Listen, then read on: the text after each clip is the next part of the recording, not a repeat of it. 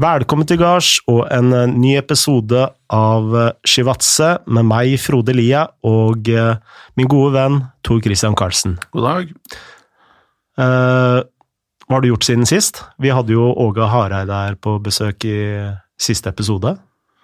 Ja, det vi Var det torsdag vi spilte inn? Så jeg har ikke fått rukket å gjøre så voldsomt mye, men jeg har sett, sett en del fotball. I helga. Men du har rukket mer enn meg. Du har rukket å vinne treningskamp. Ja, eh, klubben min eh, spilte i helgen, og vant med masse mål. Det var kjempegøy. Oppe på Nordstrand. Ja, fortell litt mer, da. Nei, det er ikke så mye å fortelle, det er bare en treningskamp, da, men eh, vi hadde en del nye spillere på laget som, som var veldig overbevisende, som var veldig gøy å se. Og når ting glir, så er det jo gøy å være trener da. Dette er Kristiania ballklubb, fjerde divisjon. Ja, men la oss ikke snakke så mye om det. Jo, det syns jeg skal prate litt om.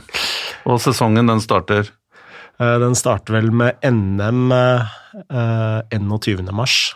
Så Er den trekningen foretatt, alt? Ja, vi skal spille mot eh, Majorstua FK. Som også Øst spiller- mot vest? Ja, som også spiller i fjerdedivisjon. Jeg jeg vet ikke så mye om, eh, om den klubben, faktisk. Det var faktisk første gang jeg hadde hørt om dem. Men, men eh, de er sikkert veldig gode. Men da starter det. Eh, men det å spille i fjerdedivisjon i 2020 er jo ikke det samme som å spille i fjerdedivisjon når jeg spilte i fjerdedivisjon med Enebakk idrettsforening. Altså, hele seriesystemet er jo blitt veldig mye mer spissa. Så nå i Oslo så har vi gått fra tre avdelinger til to avdelinger. Eh, Så du kan oppleve å møte, møte lag som faktisk lønner spill, spillerne sine. Eh, eh, Så selv fjerdedivisjon begynner å bli ganske tøft. Jeg jo, har jo vært på noen kamper, både året før og i 2019. Og jeg tror den store forskjellen fra nå kontra da jeg så fjerde, tredje, fjerde for 20 år siden, Mm. det er jo fysiske nivået på spillerne. Ja. Og det er vel kanskje litt som du sa, at eh, før, hvis de gikk under andre, så var det liksom Da traff du menn med mager og ja, folk som nettopp har kommet hjem fra jobben og spist en stor middag og skulle, skulle løpe den av seg, men nå er det jo ultratrente gutter og meget eh, ganske bra intensitet, syns jeg. God organi, godt organiserte lag i tillegg. Ja, så når jeg begynte for tre-fire år siden i Kristiania ballklubb, da kunne vi møte sånne lag da, med, med midtstoppere med litt mage og sånt. Eh, Men etter at de gjorde om seriesystemet, så har jo alle de der eh, eliteseriespillerne, Obos-spillerne og annendivisjonsspillerne som har lyst til å trappe litt ned, da, de går ikke til tredjedivisjon, for da må du reise like mye som om du spiller i annendivisjon. Så de går jo rett ned til fjerdedivisjon. Eh, Så du møter gjerne lag som har to-tre eliteseriespillere, eller tidligere eliteseriespillere på laget, eller noen av de beste andre, eh, andre lagene, da. Som for eksempel eh, Bærum og Kjelsås, da, som har Jeg så Skeid der i fjor. Skeid 2. Ja. Du og Tom Nordli mot hverandre på, Ja, stemmer det. på, Ja, på, vi på, møttes to ganger, vi. Ja, ja. Og det var jo en del av de som hadde spilt, eh, eller i hvert fall hadde kamper i, i Obos, som var inne der og, og spilte mot dere. Jeg tror de hadde fire-fem spillere fra Obos mot, uh, mot oss. Ja, han ville ikke tape de kampene der, nei. Ikke mot Frode Lia. Ikke, ikke mot Frode Lia. Men eh, det skjønner jeg godt. Eh, Hva, hva syns du var gøyest med å møte Åge Hareide? Kan jeg spørre om det? Vi har, vi har jo ikke snakka eh, med hverandre siden siste episode. Nei, jeg syns han er Fotball og, og fag vet vi at han kan, ikke sant? Og de refleksjonene rundt rundt uh, yrket, litt om karrieren og hvordan han har sett tilbake på på ja, de forskjellige oppholdene han har, har hatt her og der. Kanskje vært eh, enda mer interessant å høre litt om også om den perioden han var litt sånn ute ut av fotballen. Da. For det er jo veldig spesielt at noen i en alder av kanskje han var rundt 55, da, Mm. går inn i det sivile liv bare for å komme tilbake og få en bra karriere, Champions League og, og, og trene lag til VM og hjem. Det er jo helt unikt. Mm. Så for meg så er han egentlig et uh, eksempel uh, på at um, Ja, litt som Sarri, da. Altså uten videre sammenligning, men, men Sarri var vel også i hvert fall 50 før han virkelig fikk det gjennombruddet i, mm. i, i toppfotballen. Og at uh, man kan Jeg syns i dag så er vi veldig fokuserte på det unge og det spennende og det friske og det nye. ikke sant? Mm. Og at vi skal re, finne opp hjulet om igjen hele tida. Men jeg tror vel fotballen sånn som det er blitt i dag, med alt det presset og media og alt som Åge også nevnte, så tror jeg det med erfaring er kanskje viktigere enn noen gang. Mm. Um, men uh, i tillegg alle disse kloke refleksjonene han også gjorde mot slutten her, med hvordan, hvordan han ser på, på, mennesker og sosiale og, og samfunn og, og, sånne ting. Syns det er kjempe, kjempelærerikt og veldig veldig fascinerende. Det, var, det jeg ble mest imponert over med Åge, det var jo den sosiale intelligensen. Uh, som han Altså, han sa det jo ikke direkte, men sånn jeg oppfatta det, var at uh, måten han egentlig har hatt et så langt fotballiv, det er jo å være så flink til å behandle mennesker. Uh, og da ikke bare spillere i ulike land og ulike aldersgrupper, men også det å få det beste ut av støtteapparatet ditt og sånn. Altså, når han kom til Molde Den fornyelsen han også viser, syns jeg også var veldig fascinerende å høre på. At du, eh, en klubb som Molde plutselig er den klubben i Skandinavia som er tidligst ute med GPS-systemene og sånt. At du, selv om du blir eldre, da, evner å fornye deg. Mm. Um, Men det på sosial intelligens og um, det, det, tror jeg er Eh, virkelig fundamentalt for alle toppledere. Mm. Om det er fotball eller andre, andre lederstillinger. Og jeg har alltid fascinert meg, hvis, hvis du ser på de, de som er eh, De som er på toppen. Eh, hvis du ser jeg, jeg, jeg, tror det er litt veldig, veldig undervurdert. Og i Norge så har vi nok en, en veldig stor fascinasjon med det med fag, og at vi skal vi skal ha trenere som prater god fotball, mm. og prater til andre trenere. De prater liksom ikke til De skal imponere hverandre, og de skal imponere eh, Ja, bruke litt vanskelige ord og, og, sånne ting. Og fremstå da som veldig sofistikerte. Men de smarteste, da, det er gjerne de som gjør ting ganske enkelt, og får ting eh, til å Får sine beskjeder til å bli oppfatta på en veldig enkel måte. Eh, og hvis du ser på en mann som Hvis du tar liksom absolutt toppen nå ja.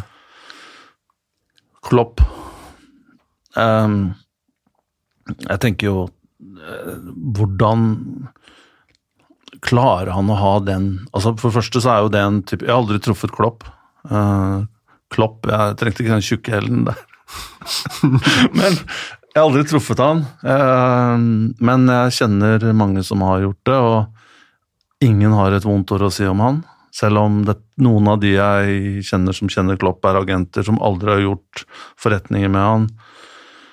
Han husker navn, han tar seg av folk, han smiler, han eh, når, når, når, du er med han, så føler du deg spesiell. Og, men den energien han har i tillegg, mm. det er bare en type som du Bortsett fra om du er Manchester United-fan, så tror jeg de fleste av oss ser på Klopp som en type som du kunne tenke deg å være rundt. Som gir energi, og som er positiv òg. Men de egenskapene der er jo ikke noe som man bare kan plukke ned fra en hylle og, og, og switche på. Men tilbake til poenget. Hvis du skal få spillere med deg som leder, eller ansatte med deg som leder, så må du jo kunne gi dem energi og positiv, mm. pos, positive vibber. Og hvis ikke, så hjelper det ikke hvor mye du kan, hvis ikke du klarer å formidle det eller få folkene på din side. Ydmykhet tror jeg er et veldig viktig ord. Uh, når du ser på toppledere uh, Det tror jeg er litt kulturelt betinga, for å være helt ærlig. Kanskje i Norge så er det Jeg er ikke uenig, jeg må bare kutte inn her. Mm. Men i andre land eh, Beklager at jeg er inne på Italia allerede nå. Men Italia, eh, og kanskje også andre middelhavsland, så er ydmykhet sett på nesten som en svakhet. Mm. Eh, der skal du være sterk, du skal ikke ha riper i lakken, du skal ikke ha, vise noen som helst tegn til svakhet. Eh, mens her i Nord-Europa så er det jo mye mer, som du sier, men jeg føler også litt sånn anglosaksons gamle Ja, den gamle. Ja. Og det er litt sånn rart at eh, det er noe som eh, binder både England og Tyskland Nei, England og Italia sammen. Eh, Hierarkien, ja. Altså man ser på en sånn lederskikkelse som en veldig autoritær tær, eh, skikkelse. Ja. Men eh, det jeg tenkte med ydmykhet, og siden du nevnte Jørgen Klopp så, Og dette er bare en sånn liten, liten ting, da. Men øh, jeg leste et intervju med Pep Linder, som er da assistenttreneren hans, nederlender. Som forklarte litt hvordan Jørgen Klopp og altså hele trenerapparatet jobba sammen. Da. Og det eh, Jørgen Klopp var veldig klar på, det var at han eh, ikke ville ha ja-mennesker rundt seg. Altså Man skulle eh, skape en slags trygghet innad i trenergruppa, så alle turte hele tiden å, å si hva de mente.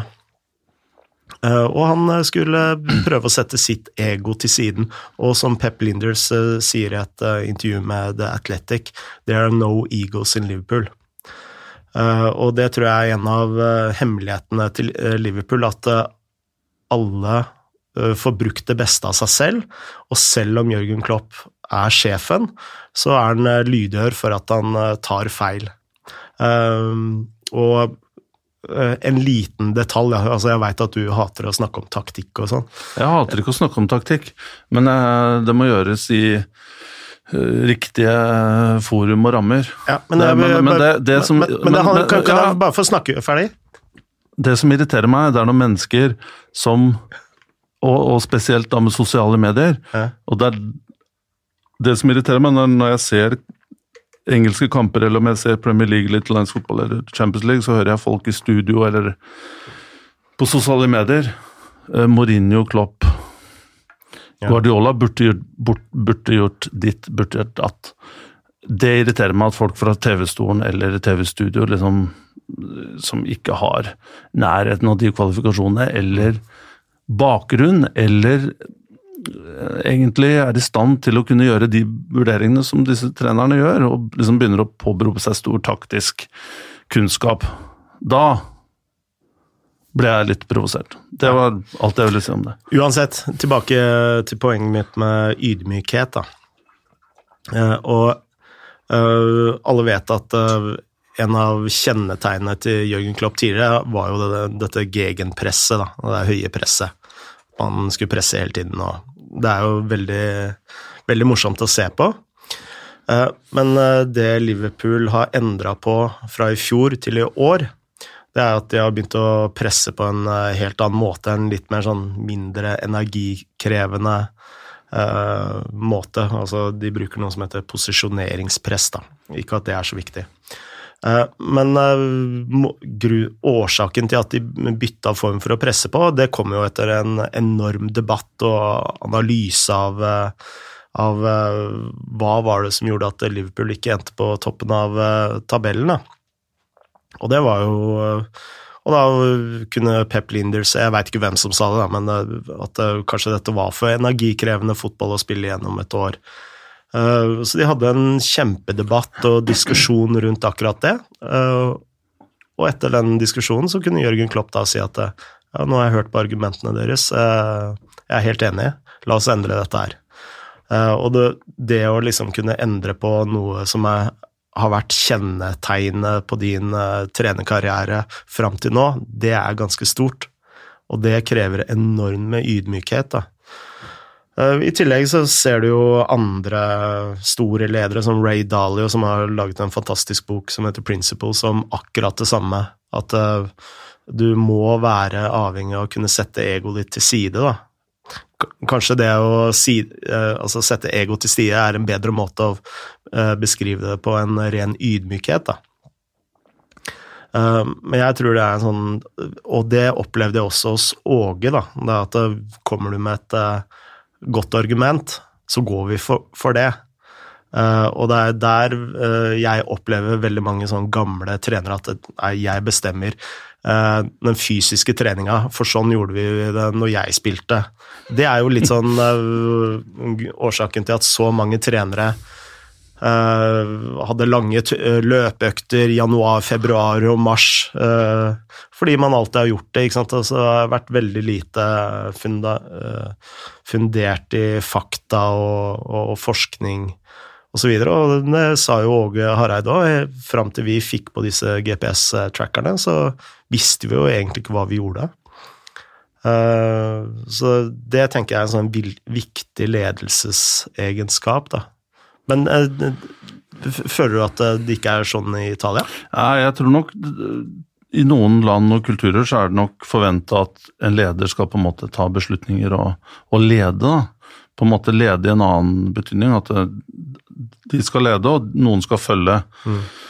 Um, så jeg tror kanskje ekstreme uh, eksempler er jo Kina. ikke sant? Jeg kjenner jo noen europeere som har vært der. Mm.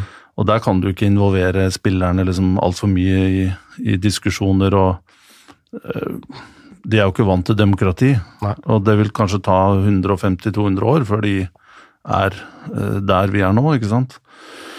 Og det samme kanskje også med Russland og Øst-Europa, hvor, hvor, dette er ganske nytt. Mm. Så det er ikke sånn at én øh, fasong Midtøsten er det samme, der må du ha helt andre skills. Men clouet, og du var inne på det tidlig, det er å kjenne mennesker og klare å forstå hvilket eh, løp som passer for den enkelte, og det skjønte jo Det var jo Åge også forklarte veldig godt. Åssen var det i Israel? Ah, komplisert. For det, du hadde veldig rar dynamikk der. Du hadde eh, israelske spillere, altså israelsk eh, jøder, da, mm. eh, som var i flertall, og så hadde du noen arabere, israelske arabere som var kanskje sånn 20-30 mm.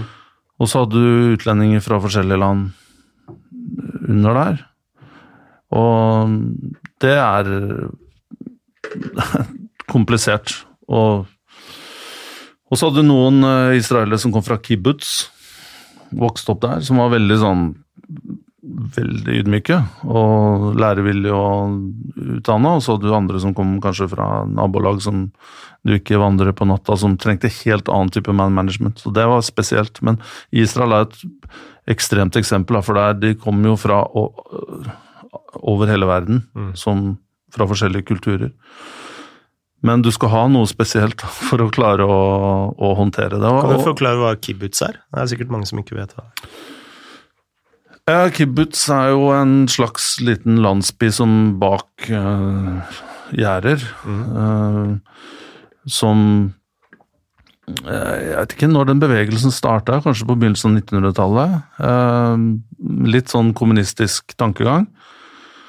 Og det var vel Nå er jeg på tynn grunn her, men jeg har faktisk bodd inne på en kibbutz. Um, for vi hadde noen hoteller og sånn før kampen. Ja. Vi forberedte og bodde på kibbutz. Um, men jeg tror i gamle dager så var det litt kommunistiske prinsipper og, og folk Folk som jobba eh, De jobba stort sett for kibbutzen med landbruk eh, og sånne ting. Um, og de som også jobba da utenfor kibbutzen, alle pengene gikk da til Som en slags kollektiv? Ja, korrekt. Mm. Uh, og så vidt jeg også vet, så bodde jo foreldrene og ett hus, og barna i et annet. Sov hver for seg. Og så spiser jo alle sam samtidig. samtidig. Og, men og det var vel inntil sånn kanskje slutten av 80-tallet, 90-tallet at man ikke hadde TV for eksempel, eller teknologi, men nå er, jo, nå er det jo blitt mm. mye mer utvanna. Altså eh, men eh, man kunne i hvert fall se ganske enkelt hvem som kom fra, eh, fra kibbutz, og hvem som ikke gjorde det. I dag skal vi jo ha en Q&A-episode. Ja, Hvis du rekker noen spørsmål. Vi har jo brukt opp halve episoden allerede. Ja, Men vi har jo fått enormt med spørsmål på Twitter, både på DM og uh, as mentioned, er det ikke det man kaller det? Men vi kan jo si allerede nå at vi rekker jo ikke å gå gjennom alle, alle spørsmålene. Men jeg har lest gjennom alle spørsmålene, og det er stort sett bare bra spørsmål. Så vi må egentlig bare booke en ny Q&A-episode om ikke så altfor lenge. Og tusen takk for at dere sendte inn. Det meget uh... Absolutt. Uh, og tusen takk for alle de hyggelige meldingene vi har fått, og Virkelig. tilbakemeldingene på episodene. Det har vært uh, Hva skal jeg kalle det? Inspirerende? Inspirerende og, og hyggelig. Overveldende, nesten, syns jeg. Så men la oss bare ja. starte på toppen. Og nå har jeg ikke rangert spørsmålene her, TK. Så vi må bare begynne på toppen. Ja. Og vi har fått et spørsmål fra Frode Telseth. Og han skriver nynorsk, men jeg må lese det opp på bokmål. Ellers så blir det plutselig svensk. Kunne tenkt meg å høre mer hva TK ligger, legger, ikke ligger, i det at italienere ser spillet på en annen måte enn han selv evner å gjøre som han trakk fram i podkasten med Wolfgang. Og hvorfor startanalytiker Andreas Jensen har noe av de, evnene som italienerne har. Oi. Det her blir vanskelig å svare på. Og jeg vet faktisk ikke om jeg har, klarer å svare godt på det. Uh, om jeg har godt nok uh, ordforråd til å sette det ut. Um, jeg, jeg, tror Åge var bitte litt innpå det uh, i forrige episode, og jeg tror det handler om at um, i forskjellige fotballkulturer så ligger det et slags fundamentalt grunnlag. Um, I Sør-Amerika så er det kanskje lek, og det er teknikk, og det er utfoldelse, ikke sant? Ja. Um, England så vil jeg si at uh, utgangspunktet er kommer fra arbeiderklassen. Um, kriging, uh, litt sånn nesten klassekamp Bakgrunn der, sånn fra tidlig av. Mm. Du, du, kan det her bedre enn meg, så, skal, så, sender jeg over til deg etter hvert. Um, men i Italia så er fotballen Syns jeg fotballen sin grunnleggende diskurs, da. Altså den, den grunnleggende diskusjonen er taktikk. Mm. Uh, og hvis du, ikke, hvis du ikke snakker taktikk, så er det liksom ikke Da, da er det da, da, De ser på en fotballspiller på en annen måte da enn vi gjør. De snakker ikke Jo, ok, fysikk er også viktig i Italia, det vet vi jo. Men for trenere i Italia og, og eh, hele, altså hele, fotballdiskusjonen der, så er det Så tror jeg det er mye mer grunnleggende at en spiller forstår eh, og kan gjøre hva som blir sagt. Mm. og klarer å utføre de ideene som, blir, som man blir enige om, enn i andre land. Så det er en grunnleggende tanke om eh, spillet som lagsport, da, ja. som står veldig, veldig høyt. Mm. Um, og det tror jeg ikke det gjør i de andre landene. Og derfor så tror jeg diskusjonen, miljøene, har blitt som de har blitt.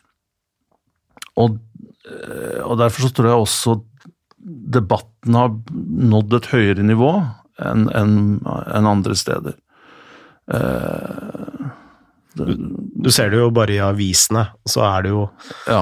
uh, mye mer taktikk uh, i selv de tabloide avisene så er det jo taktikk og treningsmetodikk opp og, opp og ned i mente. Jeg, jeg satt og så bare tilfeldigvis, eller ikke tilfeldig, jeg følger jo godt med. Jeg satt og så på Rai, Rai Doe, tror jeg det var. Etter um, Napoli Sky. Sky um, Calcio var det. Etter Napoli-seieren mot Juventus. Og da hadde de panelet der Uh, Fabio Capello, Cambiasso, Costa Corta, Bergomi. Uh, fire av fem, jeg husker ikke hvem det siste var. Og når de da fikk studio, fikk snakke med med Gattuso etter seieren, Mhm. Eh, og med Sarri, så var jo alle spørsmålene handla jo om hva de fikk til, hva de ikke fikk til. Hvordan, han hadde tenkt, hvordan de hadde tenkt før kampen, hvordan de hadde tenkt eh, i pausen osv. Og, og, og Capello, første spørsmålet hans til Gattuso var uh, at uh, Napoli hadde hatt tre overganger, uh, eller i hvert fall kommet i overtall mot Juventus, som du sjelden gjør i første omgang, eller i løpet av den første timen. Mm. Men ikke på de tre på disse tre overgangene uh, hvor det hadde vært overtall, så hadde de klart å få skudd på mål. Mhm. Og hva det handla om, og hvorfor det oppsto på den måten osv. Så, videre. så det var diskusjonen. Et eksempel. Mm. Og så var det snakk om, når Bonucci fikk mikrofon, så var det snakk om hvorfor han ikke kunne spille diagonale ut dit eller hit, og sideforskyvning til Napoli, og hvordan den fungerte, ikke sant? Det går på sånne detaljer. Og eh, hadde det vært i England, så er det liksom No, left back didn't turn up. Yeah. Needed more passion. Uh, they haven't got the signings right. Ja, altså, det, det er så overfladisk mm. og emosjonelt drevet, da. Mens i Italia så er det veldig, veldig kaldt og observerer da det taktiske. Hvorfor Andreas øh, har klart å lese taktikk på den måten han gjør Han, han er veldig flink til å plukke opp detaljer. Um, og i hvert fall eh, blant de jeg har har, har vært med i fotball, altså i støtteapparat, så er han blant de aller ypperste. og- Men det er jo en interesse. Han er jo ung mann fortsatt og holdt på med det her i mange år. Og, øh, og, og det er jo et talent, det òg. Mm. Og det er som Igjen, jeg beklager om ikke jeg formulerer meg veldig godt, men det er jo som at vi opplever ikke alle Dette blir kanskje litt filosofisk, men vi ser jo ikke realiteten likt noen av oss. Alle har en forskjellig opplevelse av verden rundt oss, og det samme gjelder jo på en fotballbane. Så hvis jeg sitter sammen med deg på sidelinja og vi ser kampen, ja, det er noen liksom Vi kan ikke benekte at det er elleve spillere på hvert lag hvis ikke noen har utvist og at det er en bane og en dommere på deg, men mønstrene, det er jo noe vi på en måte må dekode, ikke sant? Mm. Og det blir som at vi drar på f.eks. en Men dette lærer du jo mer eh, etter hvert så hvor interessert du er. Eh, og det er f.eks. ved Oslo konserthus like borti gata her. Så hvis vi drar og ser en eller annen symfoni Mm. Jeg vil ikke få det samme ut av det, eller klare å forstå det på en måte som en som virkelig er interessert, og, og, og, og klarer å fordøye dette her og, og desifre det intellektuelt. For meg så vil det bare være en lyd. da. Mm. Kanskje litt høyere nivå enn Drillo, som mener lyd er, er støy. Og jeg kunne sette pris på liksom at det er gode musikere, og sånt, men jeg klarer ikke å, det treffer ikke meg på den samme måten. Nei. Og det ikke, så det er jo fram til at alle ser jo ikke fotball på akkurat den samme måten, og det finnes jo nivå av av intellektuell forståelse av fotballen. Ja. Men det har jo veldig mye med den avgjørelsen italienerne tok på 50-tallet, hvor de bestemte seg for å bygge Coversanio, uh, altså senter for Ja. treningsutdannelse i, i intellektuelt senter, som de kaller det. Det sier jo også mye. Ja, ikke sant? Et intellektuell. Og det er ikke bare at de valgte å utdanne trenere, men for i England, øh, hvis vi bruker England som en motsats, da, så var det jo gjerne de beste eks-spillerne som blei eh, trenere. Eller managere, som det het i England på den tiden. Og fortsatt gjør et par steder. Men eh, mens i Italia så var det jo de som gjorde det best på Eller ofte så var det jo de som gjorde det best på skolen. Og i tillegg så er jo trenerutdannelsen i Italia eh, lagt opp eh, ganske ulikt eh, det man har nå i England og i Nord-Europa, da.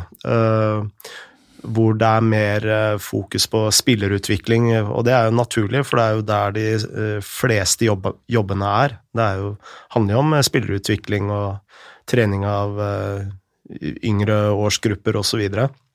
Men i Italia så er det ganske annerledes. Der er enormt trykk på det taktiske allerede fra du setter deg, setter deg ned på første grunnkurs, og så legger de til mer praktisk eh, kunnskap etter hvert. Uh, og alle de store trener, italienske trenerne har jo en eller annen sånn fantastisk oppgave som er i biblioteket på Covaciano. Da. Antonio Conte, for eksempel, har uh, en, en, av de bedre avhandlingene det er visstnok på formasjonen 4-3-2-1. Mm. jeg husker når Sasa Ibrul Bruller gjorde en reportasje der for, for Josimar, så så fortalte vedkommende han intervjua at han holdt på å le seg kvakk i hjel, fordi Antonio Conte spilte jo aldri den formasjonen. Og det, det, sier jo litt om humoren der òg. Men ja. Så det er på en måte den taktiske forståelsen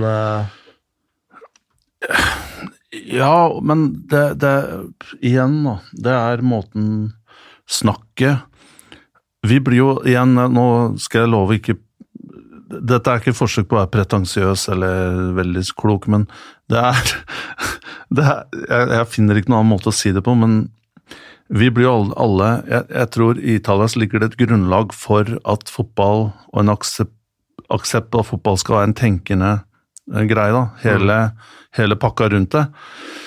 Um, og den ligger ikke der um, i andre land, uh, føler jeg, i den grad. Og det kan nok også handle om at fotball i Italia var vel egentlig en middelklassesport til å begynne med, og i England så kommer det fra, fra, fra grasrota, vokst opp på litt andre, andre Og så blir man jo påvirka av de miljøene man, man er i.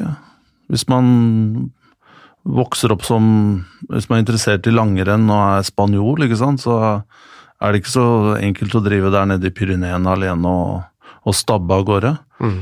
Men uh, hvis du er i Norge og skal bli langrennsløper, så er det ikke så rart at du blir god, for det er så mange gode rundt deg. Mm. Og folk kan mye mer om det, så ja. Uh, vi går videre til neste spørsmål. Uh, Eng96 har et spørsmål her, og det er ganske langt. Oi. En problemstilling jeg gjerne skulle hørt fra dere to, som i hvert fall jeg tenker, er, tenker på ukentlig, virker FFP, altså Financial Fair Play, mot sin hensikt, i henhold til konkurransedyktighet og mangfold spenning. Med det mener jeg at de aller største befester sin posisjon i toppen fordi de alltid kan bruke nok midler til å opprettholde sin status, når andre møter restriksjoner og kanskje er blitt mer avhengige av å selge. Ta Milan for eksempel som en case. En klubb med voldsomme lommer på eierne, som nå ikke kan kjøpe som ønsket fordi omsetningen ikke tillater det. Altså blir veien opp til Juventus f.eks. tyngre. Får Manchester United en vanskeligere vei opp igjen som en følge av Financial Fair Play, har inflasjonen på overgangsmarkedet de siste årene en link med Financial Fair Play, osv. Høres det interessant ut? Og det er det absolutt. Eh, bare uh, hvis jeg kan uh, svare Start, på det første ja. spørsmålet, så er jo uh, Ja. Og det som er interessant, er jo at Financial Fair Play var jo ønska nærmest velkommen av de tradisjonelt sett største klubbene i Europa. Som Bayern München, for eksempel. Og Mil Og Milan var en del og Milan, ja. ja det var pådriver. Vel, det var vel 11-12 klubber som ja. var uh, pådrivere. Men spesielt de to var jo De to sto ja, i spissen. ICA-gruppa der, ja. Men uh, veldig mange trekker frem Carl-Heinz Rummenigge da, som en slags sånn Og hvis man bruker Tyskland som en uh, liten case, som på mange måter har uh, financial fair play Har du mange case, case, her? Det er ikke lov å si lenger, forresten. Er det ikke det? Men nok om det, vi skal ta det etterpå. Ok, skal du stramme opp? ja. Ok, men hvis vi tar Tyskland som et eks eksempel, med 50 pluss 1-regelen, så er det jo egentlig en financial fair play i praksis. Og uh, i Tyskland så ser man jo det at Bayern München vil jo alltid få de beste spillerne i, i fra Bundesliga, fordi de har jo de største organiske inntektene. Så de, det er jo vanskeligere for andre å bryte seg inn i toppen. RB Leipzig eh, har jo eh, klart det på en eller annen måte. Ved å, de har jo klart å spytte inn masse penger inn i, i RB Leipzig, men eh, man skal jo ikke ta fra RB Leipzig heller at de har jobba utrolig godt da, eh, med sport. Eh, Så det er jo ikke bare sånn at du kan spytte inn masse penger, og det er jo ikke snakk om eh, penger som Manchester City eller PSG har brukt. Men hvis man tar det på et europeisk nivå igjen, så vil man få litt sånn Bundesliga-tilstander, da. Det vil jeg tro blir resultatet av Financial Fair Play. Ja. eh, er det sju-åtte år nå siden det på en måte første due diligencen ble gjort hos klubbene? Var det 2013? 12? Og 2013, tror jeg. Ja. Eh, Men så var det jo tre år med litt sånn Vaklende Nei, ikke vakle, men de hadde liksom Du fikk advarsler da, over tre år. Altså Ja. du måtte Ja, riktig. Så du kunne tøye strikken i tre år før du Ja. Så det er jo først eh, nå de siste to-tre årene eh, liksom virkningen av Financial Fair Play begynner å gjøre seg gjeldende. Da. Ja. Eh, og så har det blitt Men jeg føler Men dette er en helt annen sak, da. Men jeg føler det er så mye grums i, i kjølvannet av FFP. Altså saker som man ikke har fått Liksom Man har ikke fått lagd benchmarks da, ut fra straffesaken her. Altså City har vært inni her uh, mange ganger.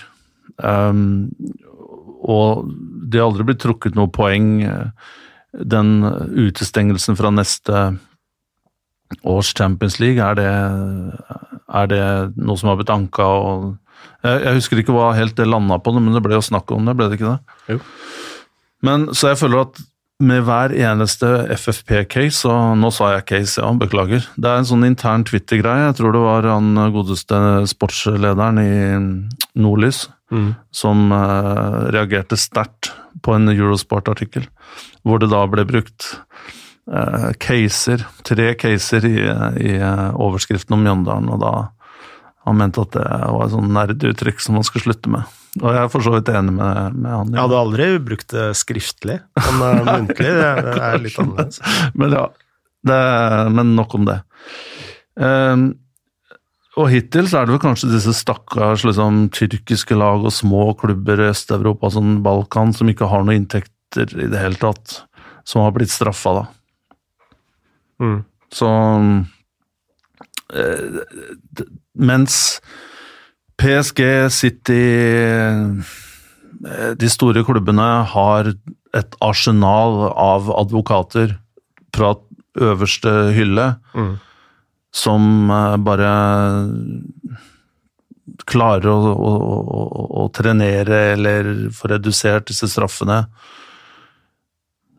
Så er det de mindre klubbene, da. Som, og, det er vel Jeg mener det er flere tyrkiske klubber som har blitt utestengt fra Europa, bl.a. Galatasaray Fenerbahçe. Det er ikke det små klubber, da. Nei.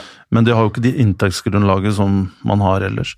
Men i prinsippet så er jeg enig i at og det sa jeg lenge før, eller altså det har jeg sagt i ti år, at um, det er jo ganske naivt å tro at ja, prinsippet om at klubber skal vokse seg store organisk, det er jo selvsagt det beste, som med alle som med alle bedrifter, men det er ikke så enkelt liksom å bli, hvis du har et mål om å bli levedyktig i den øverste divisjonen ja, På en eller annen måte så må du jo i begynnelsen, hvis du ikke har disse inntektene, tradisjonene som Manchester United og Liverpool og Hvordan skal du klare å hente inn det hvis ikke du skal få da ekstern finans? Lån, eller hva det nå er, da, til å klare å, å, og gi bedriften, klubben, en push. Jeg var jo i Monaco eh, året før dette her da ble innført, og vi så jo på dette her som en kjempestor utfordring. For det, hvordan skal du med Monaco Du har 5000-6000 tilskuere. Sesongkort koster 600-700 euro, kanskje bitte litt mer, men inntektene der er eh, altså matchday income. Det du kan generere ut fra den stadion som ikke klubben eier selv, og ikke får lov å bygge utvide som den ønsker selv.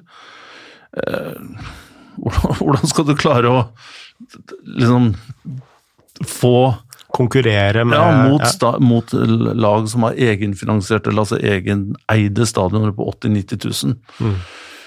Så dette her passer jo ikke alle. Altså, man kan jo si at Financial Fair Play egentlig er et uh, Altså jobbe for status quo. Helt riktig. Mm. Men uh, skal jo også sies at de store klubbene, som Milan f.eks., og Manchester United, de brukte jo enormt med penger på et eller annet tidspunkt. Milan når Silvio Berlusconi kom inn. Ja. Manchester United brukte enormt med penger når Alex Ferguson blei ble manager. så eller i hvert fall Jeg vet ikke om Manchester United er verstingen der, men Nei, men det bare Ja. si, sier noe om at alle på et eller annet tidspunkt da, bruker masse penger for å komme seg ja. i, i toppen. Ja, og den Altså, Manchester United har jo enorme kommersielle inntekter pga. legacyen. Mm. Ikke fordi de vinner så veldig mange trofeer lenger, men det er jo fordi de har den historien og det navnet, som fortsatt er en av verdens største, mest anerkjente og, og enestående fotballklubber. Mm.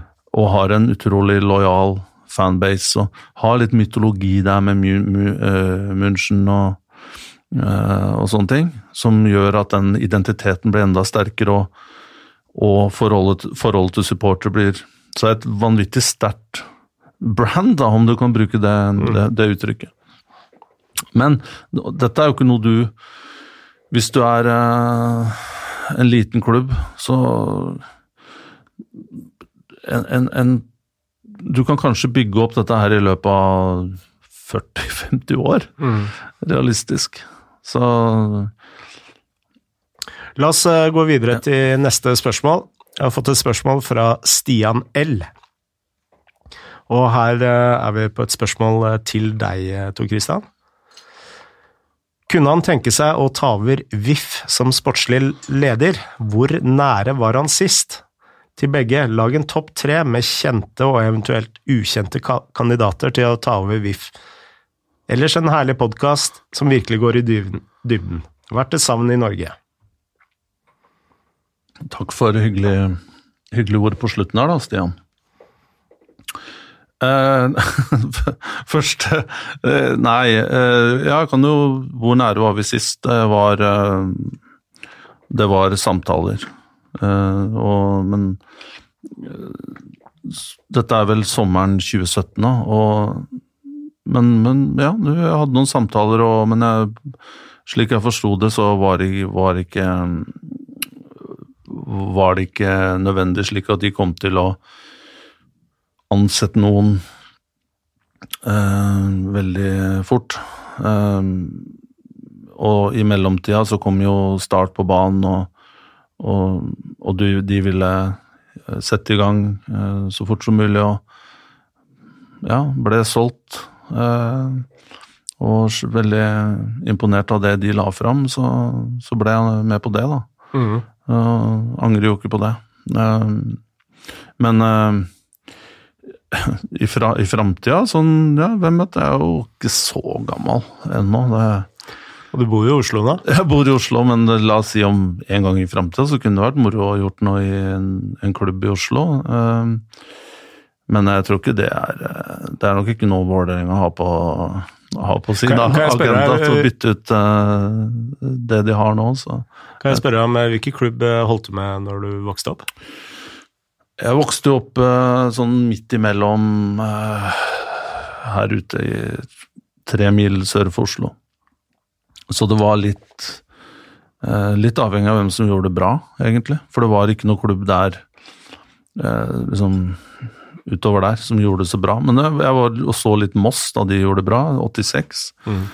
Og så reiste du noen ganger inn til Oslo, og så Vålerenga, og, og andre ganger så har jeg litt familie i Fredrikstad, så vi dro dit og så. Så så litt forskjellige ting. Altså, til og med Lillestrøm, faren min, og Kongsvinger likte vi å se, for det, de hadde veldig kult lag. da. Mm. Spilte litt i Europa og Geir Frig og Ja, jeg husker han skåret fra dør, død vinkel Ja. eh, mot Juventus på Ullevål. Var du der? Jeg var der. Ja. Jeg var der, og Det var 1-1-kamp, var det ikke? Ja. Eh, og så ble de snytt, eh, faktisk, i Torino. Tapte vel 2-0. Men det var noe straffespark de skulle hatt, og noen veldig lugubre mm, dommeravgjørelser i kontra Kongsvinger. Mm. Så jeg digga Kongsvinger eh, på den tida, men geografisk så liksom, det er ikke ett lag som jeg har sogna til, da. Men eh, ja.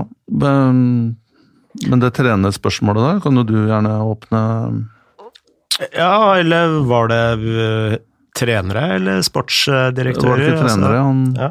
Eller? Du som sitter med Mac-en, Frode.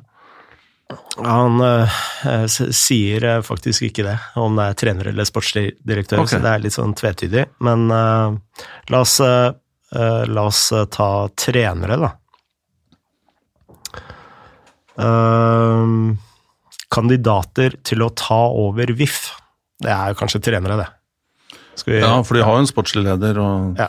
så, og de har ikke en hovedtrener, da. Så la oss gå ut fra det. Vi har jo vært innom eh, det spørsmålet tidligere, Eh, og, og eh,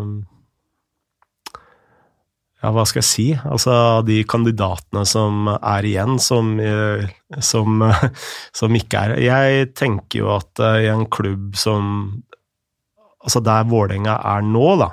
Altså ikke har de penger, eh, men de har masse talenter.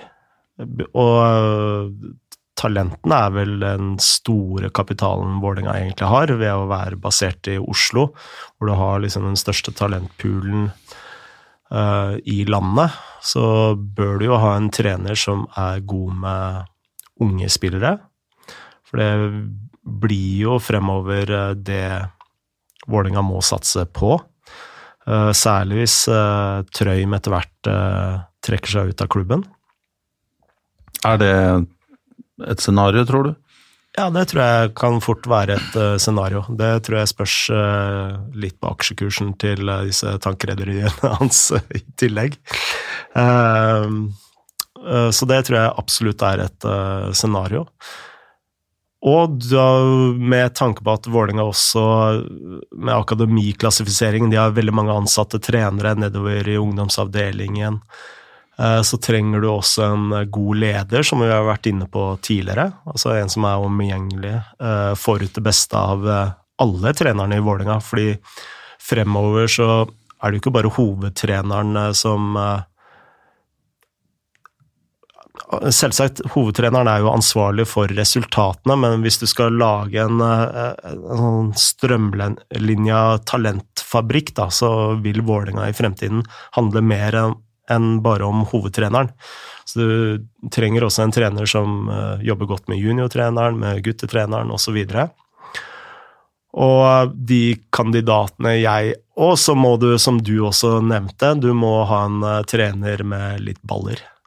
Eh, For det å stå i, eh, stå i resultatstorm eh, som vil svinge enormt hvis du velger å gå en sånn kurs, da må du ha noen som er tøffe og klare i hodet, og, og som også er en sånn samlende kraft for supporterne. Altså, det må være en kar som supporterne har tillit til og, og rett og slett liker.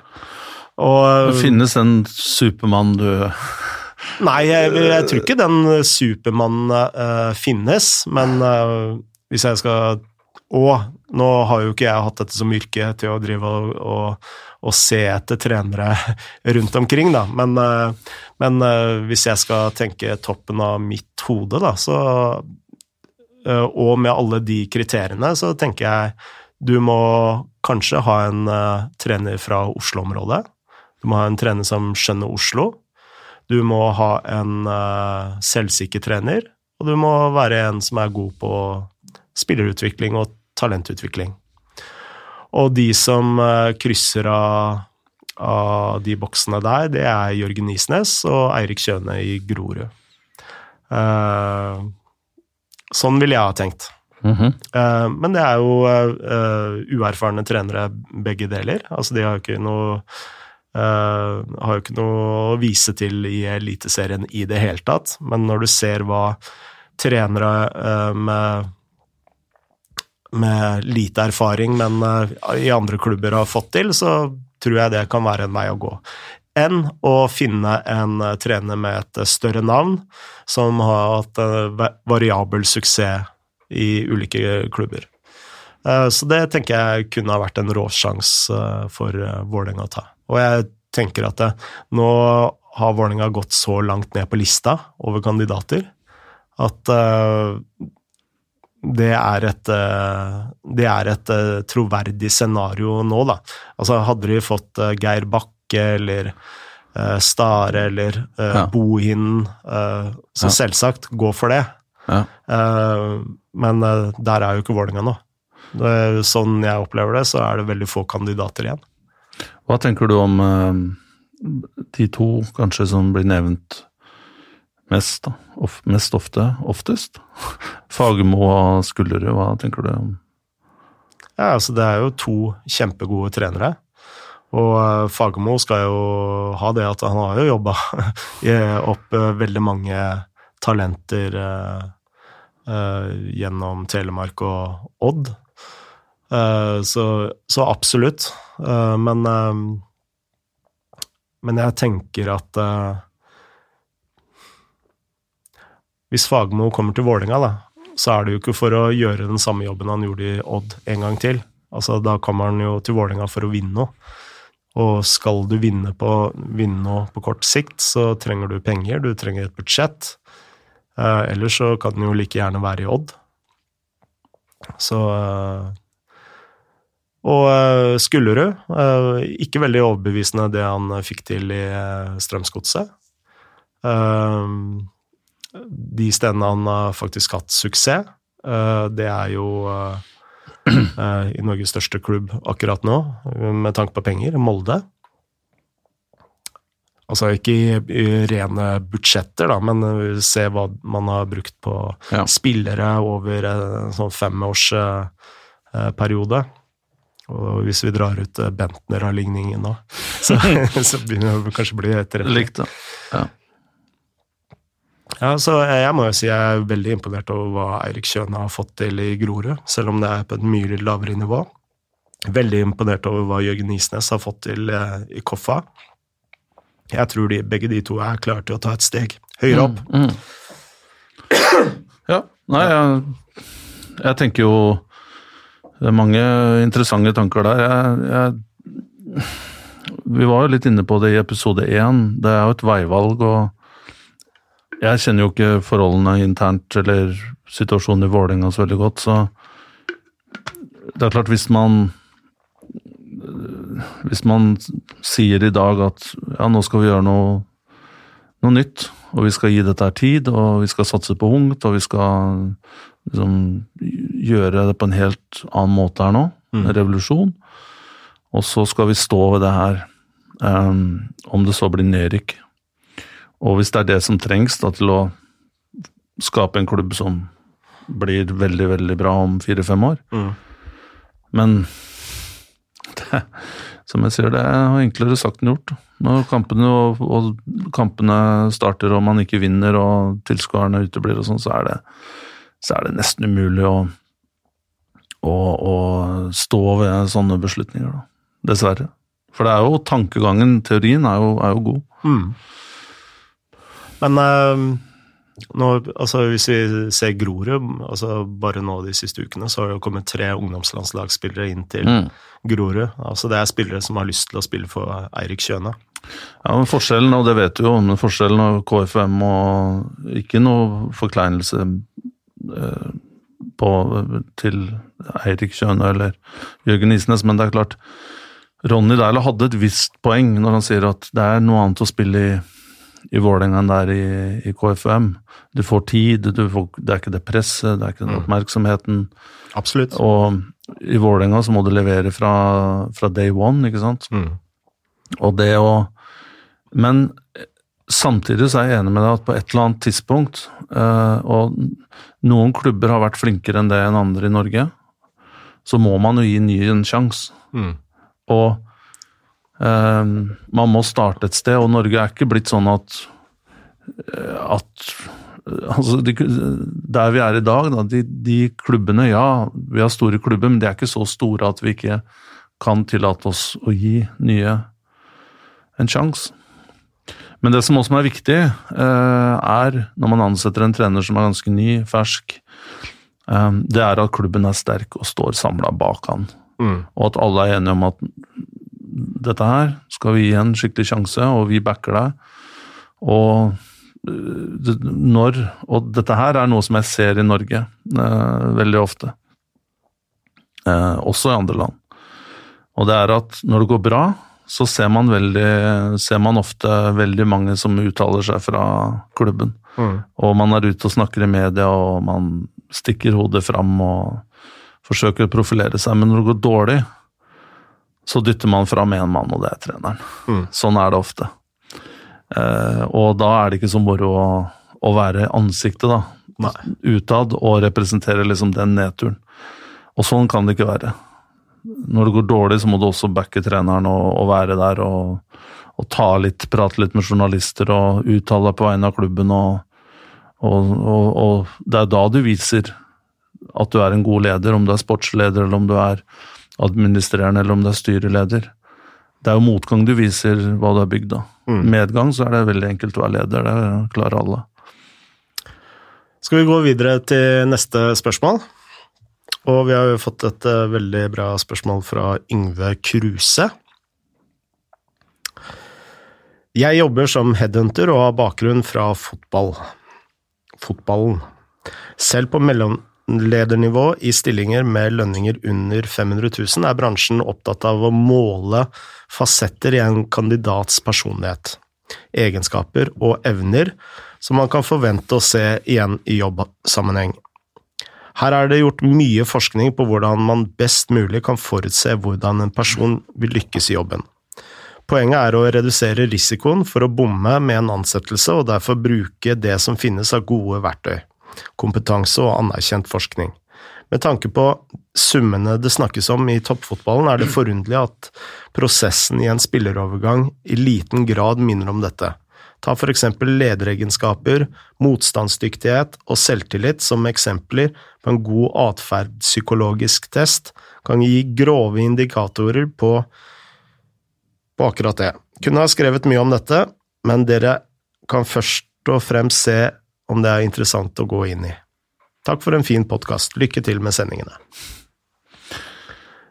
Det syns jeg er kjempeinteressant, det han øh, er inne på der. Og det gjelder jo ikke bare spillere. Jeg syns faktisk, i og med at vi kommer fra trenere, at du kan starte der. Men øh, kan jeg Altså øh, Altså hvordan bruke de øh, Nei, jeg bare lurer på om det er praktisk mulig. Fordi er det sånn at du har Kan ha tre-fire trenere på Altså inne på intervjurunder? Er det sånn det fungerer, på en måte? Ja, det er, det er ikke noe problem. Um, og spesielt hvis du har ti, sånn som Eksempel har vi prata om Vålerenga, så nå har de uh, hatt seks uker på seg, og det er for så vidt greit nok. Har sikkert kompetente folk til å drive det i mellomtida. Um, og at de sonderer og bruker litt tid nå, syns jeg er fornuftig. Men um, det, dette her kunne vi jo lage en podkastserie om. Uh, vi har jo bare holdt på i to timer nå. Nei, vi har holdt på én time og litt. Uh, vi satte i gang uh, altså Jeg tror ikke det er så ille. Nei. Men um, hvis du går på personlighetstesting, mm. så vet jeg at det er på vei inn i fotballen, og man bruker det. men jeg tror du kan bruke det samme spørsmålet her, eller den, den samme tankeeksperimentet. Både på trener og spiller. Og det stopper på ett punkt, mm. med å, den derre iPaden. Fordi personlighetstestene er gjerne sånn derre du, du, skal trykke på Du får et spørsmål, dukker opp, masse forskjellige ting. Eh, eller om det er en klassisk Big Five-greie. Mm. Det som er øh, øh, Fordelen med denne iPaden da, det er jo at den også måler da responstid. Så Du skal ikke ha lov å kalkulere, ikke sant, hva, hva du skal svare for å være taktisk smart, og for å gi best mulig inntrykk. Forstår du hva jeg mener? Mm. For det er en vanlig personlighetstest du får printa ut, så kan du jo liksom sitte ja, det er best å Det er nesten som en sånn Kahoot-quiz, hvor du kan gjette til det siste svaret. Ja, faktisk. Så responstiden her eh, kan også gi clues, da, så dette er liksom bygges inn i de algoritmene som, som leveres Mm. uh, til slutt. Men hvis du har en trenerkandidat som du virkelig ønsker foran deg, og grunntanken når du går inn i uh, en ansettelsesprosess, det er å finne en som er litt for god. Mm. Du ønsker jo en trener som Du ønsker ikke et fjerde ventevalg, ikke sant? Du ønsker det førstevalget som er liksom over det du hadde trodd du kunne få. Mm. Og da er det tungt å dra fram den iPaden på slutten. Ja. Når du liksom har, du har blitt enig om penger, det må, du må selge inn det såkalte prosjektet. Du må ha henta inn investorer inn til møtene for å overbevise om at det skal brukes litt penger. Mm. Du må ha wina og dina omtrent, hyra privatjet. Og så skal du på slutten si Men du, du må fylle ut den, vi, må, for vi skal se hva slags, hva slags personlighet du er. Eh, Det, det, er, det er vanskelig. Eh, for det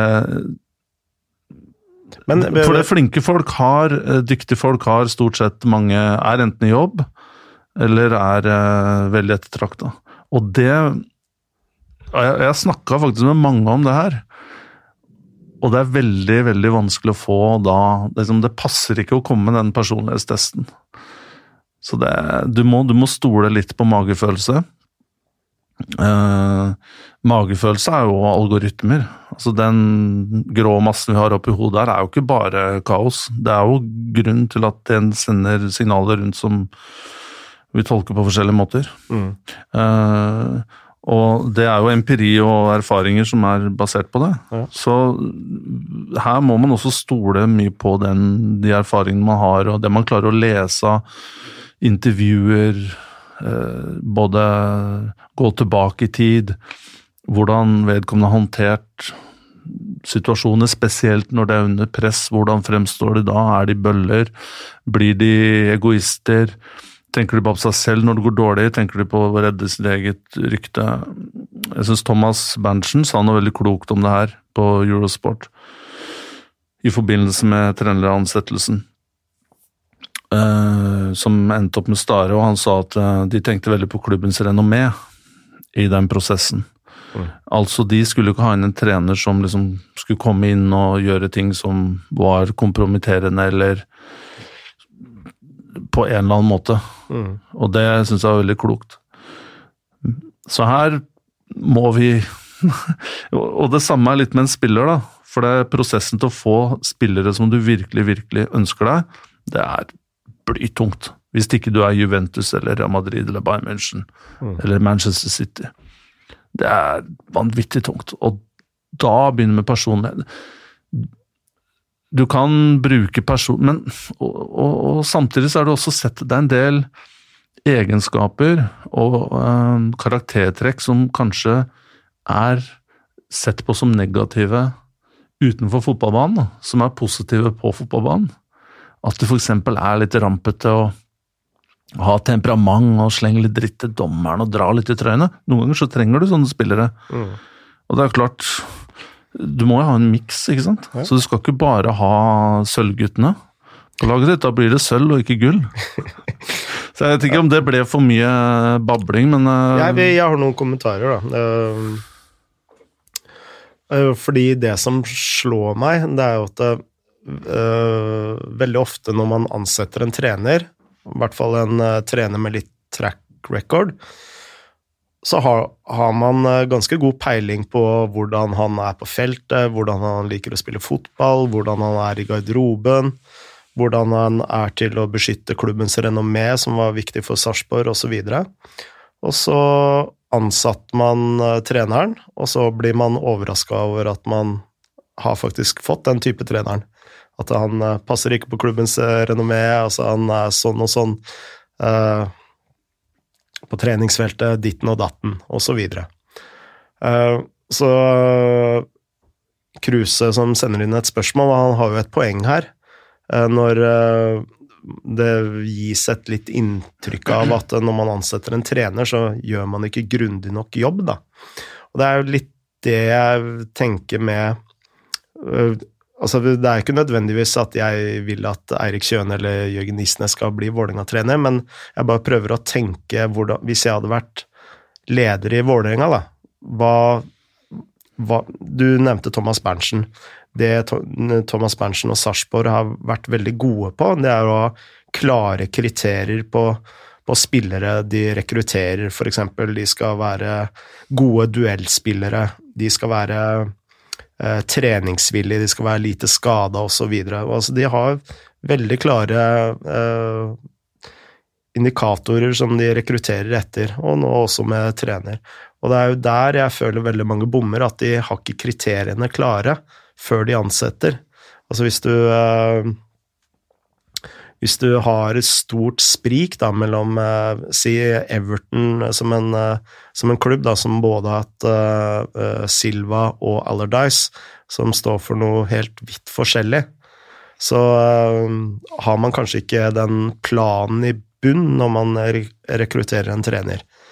Uh, så det var litt mitt poeng med Eh, Kjøne og Isnes. Da, at eh, Hvis du prøver å tenke da at eh, klubben skal være utviklingsorientert, vi skal satse på disse ungdommene, som det faktisk er et styrevedtak for å gjøre, da må du ha en trener som er god på akkurat de tingene der.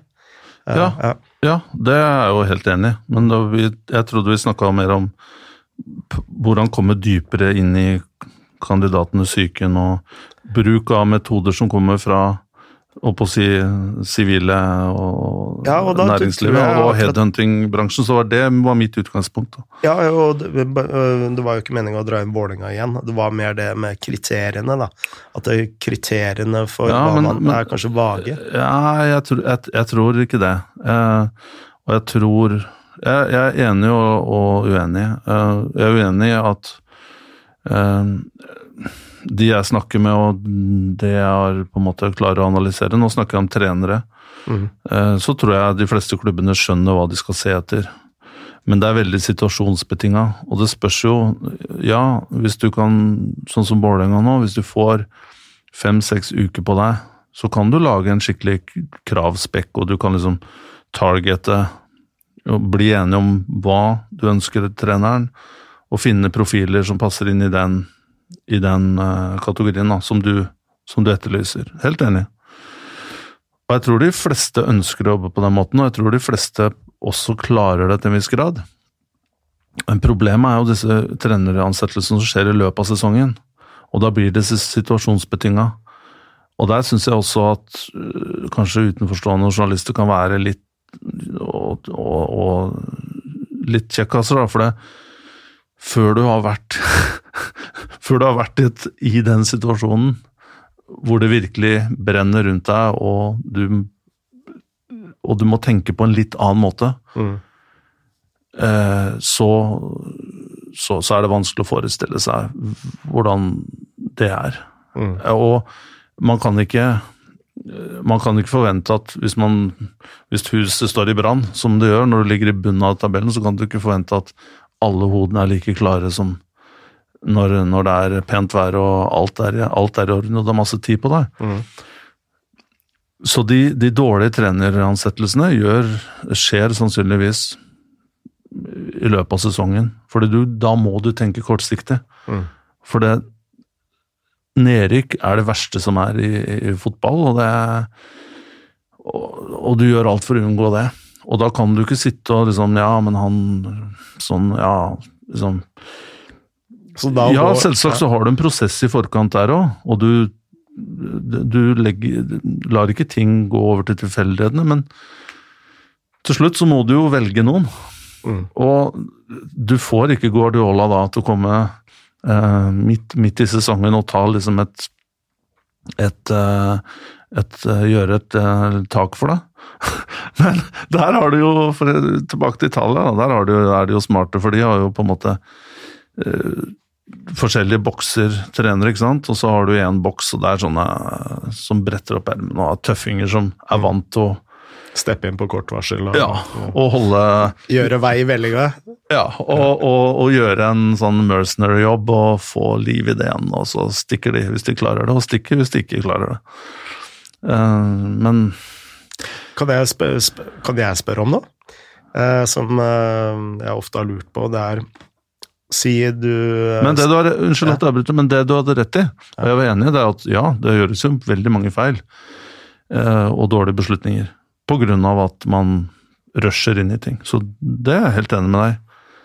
Ja, det, det, som var imponerende med ja. Sarpsborg, det, det, er sikkert mange klubber som gjør det, da, men de har, har en kravspekt i spillerne som ikke nødvendigvis eh, går på at han er flink til å spille fotball på venstrekanten. Eh, det var litt mer, litt mer sånn eh, basert på mennesketyper, da. Ja. For eksempel Sigurd Rostedt som eh, Og ja, jeg veit at eh, det å få en eh, troppkabal til å gå opp har mye å si, da, men han, han fikk jo avslag fra flere klubber. Og det var jo kun Sarpsborg som ville ha de, og, og, og da Thomas Persson var jo superklar på hvorfor de ville ha Sigurd. Det var jo fordi han var så duellsterk, og særlig innenfor 16-meteren, at han mm. liksom risikerte og det var en mens jeg mistenker andre klubber da, så med på ja, vi vil ha en midtstopper som spiller seg ut fint bakfra, for eksempel. Da. Så de så etter noe helt spesifikt, da. Uh, men hvis, men, du skulle, ja. hvis du skulle ha Molde, så kunne du jo ikke da hente Sigurd Rostedt. Nei, så selvsagt ikke. da måtte du ha en som spiller seg ut bakfra og er god på det. Ja. Men uh, nå mista jeg litt uh, tanken min her. Ja, det var et spørsmål du hadde. Jo.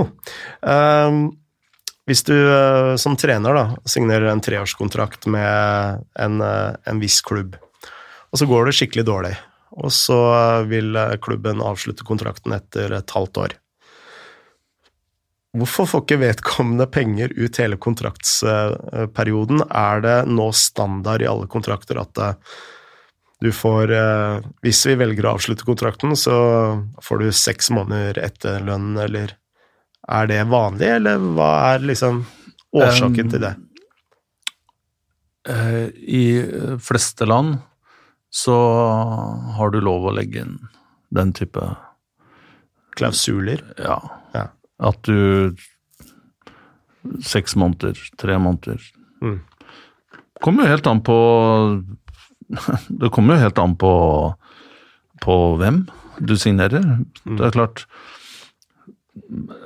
Men det var en som sa uh, veldig klokt I Israel var det vel at eh, de sa at det første som Ville ha sagt det her før, men jeg kan jo si det igjen.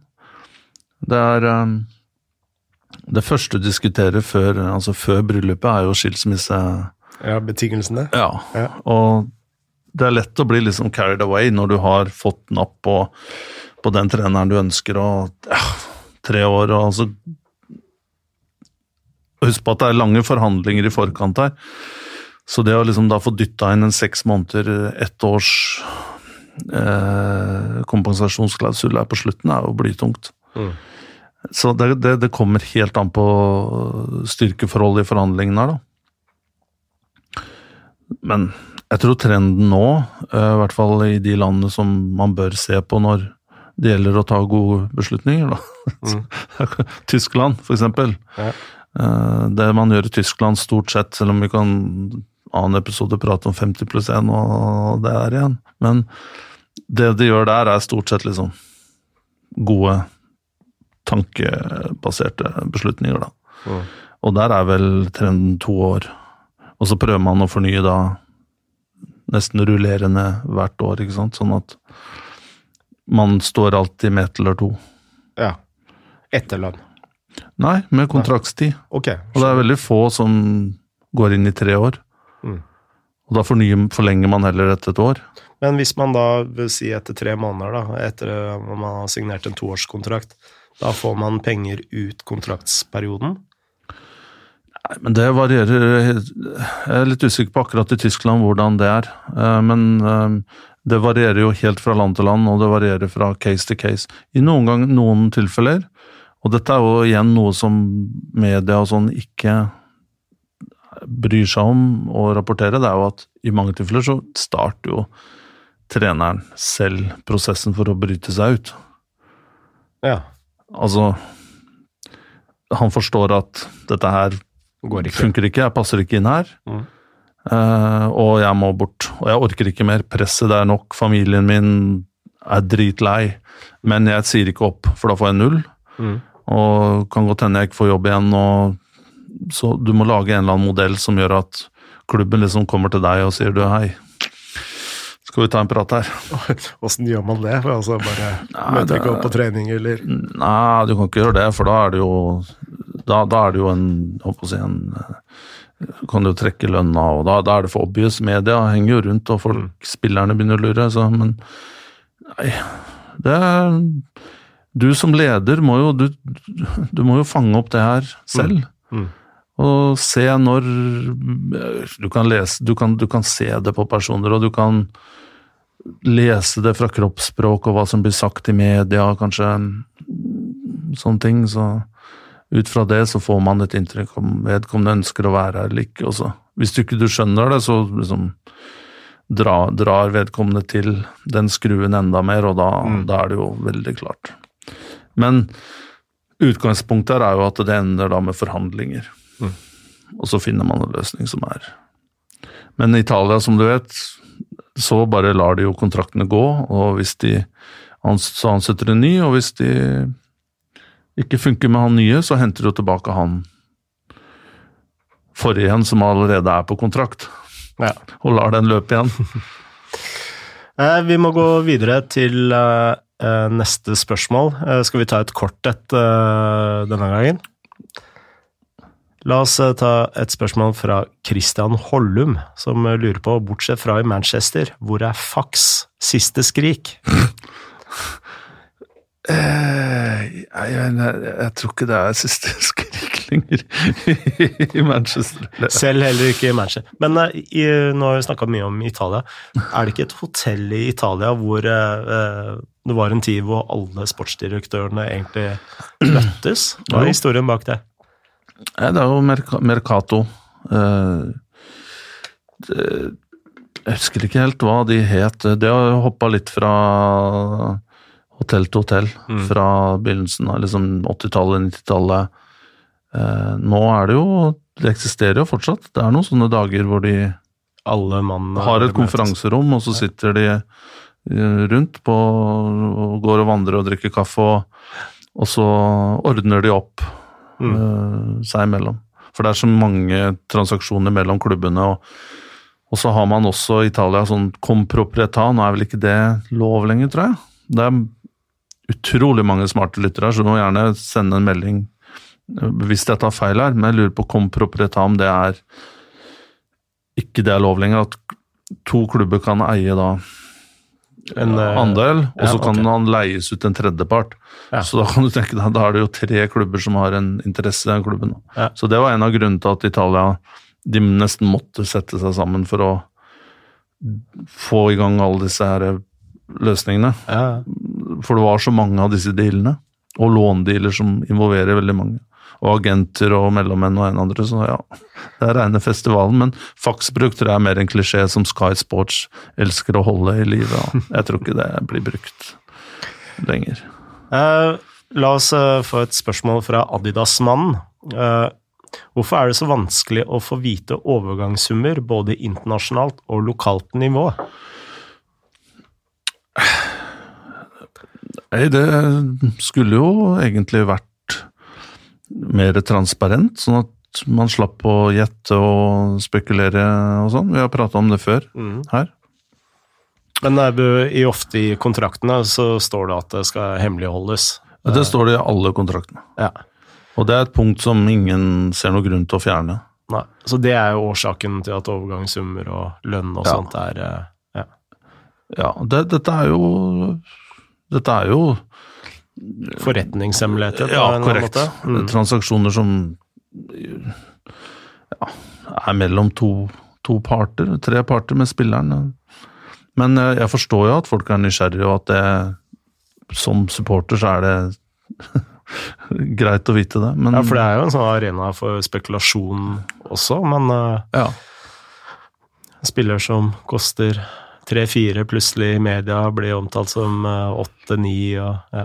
I, i, her i Norge så tror jeg det er ganske Jeg tror ikke det er noe skumle årsaker til at klubben ikke går ut med, med disse summene. og Det kan vel også nøstes opp igjen i, i års, årsberetninger og sånne ting eh, her i Norge. Mm.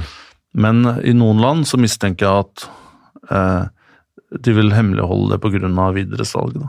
Ja. Så, eh, så Ja, På hvilken måte da? Nei, at eh, La oss si at en klubb i Tyrkia da, Ja. selger en spiller til Premier League. Og så har en klubb i Ungarn 20% videresalg på den spilleren. Mm. Så vil kanskje den klubben i Tyrkia prøve å gjøre det mest mulig vanskelig for den ungarske klubben å finne ut hvor mye dette her var. Mm.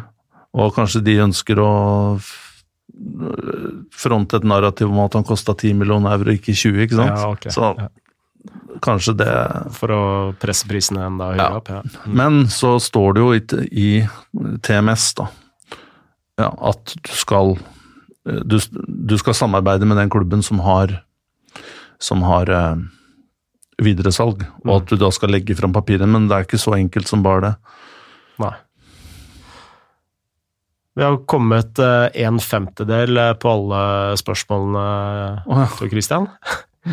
Eh, Så jeg tror vi må ta en ny Q&A om ikke så mange uker.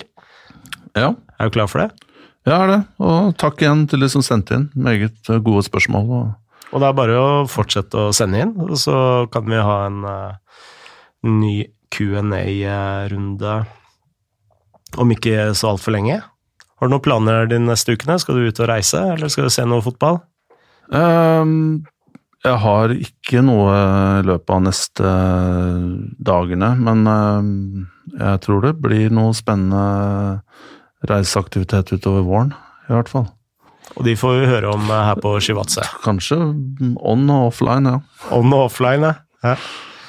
Og jeg skal Jeg har trening hver eneste dag nå, jeg. Juniorlag og A-lag og barnelag og, Og jiu-jitsu og ja, jiu-jitsu er ikke måte på. Det er god trening. Ja, jeg skal ikke bli med deg på det, Frode, men uh... Men da sier vi adios, eh, som vi alltid sier, og så er vi tilbake om eh, to dager, vi. hvor Vi skal spille en ny episode på onsdag allerede. ja, snakke litt om overgangsvindu, eh, og spesielt deadline day. Så vi kan jo også invitere til noen spørsmål. Spørsmål angående overgangsvindu? Ja, spesielt deadline day. Jeg vet det er veldig mange som lurer på hva som skjer, og om det er så kaotisk og rotete som media skal ha det til. Ja. Så må gjerne fyre i vei noen spørsmål om det hvis, det hvis, hvis man sitter inne med noe. Da sier vi det. Takk for oss. Moderne media.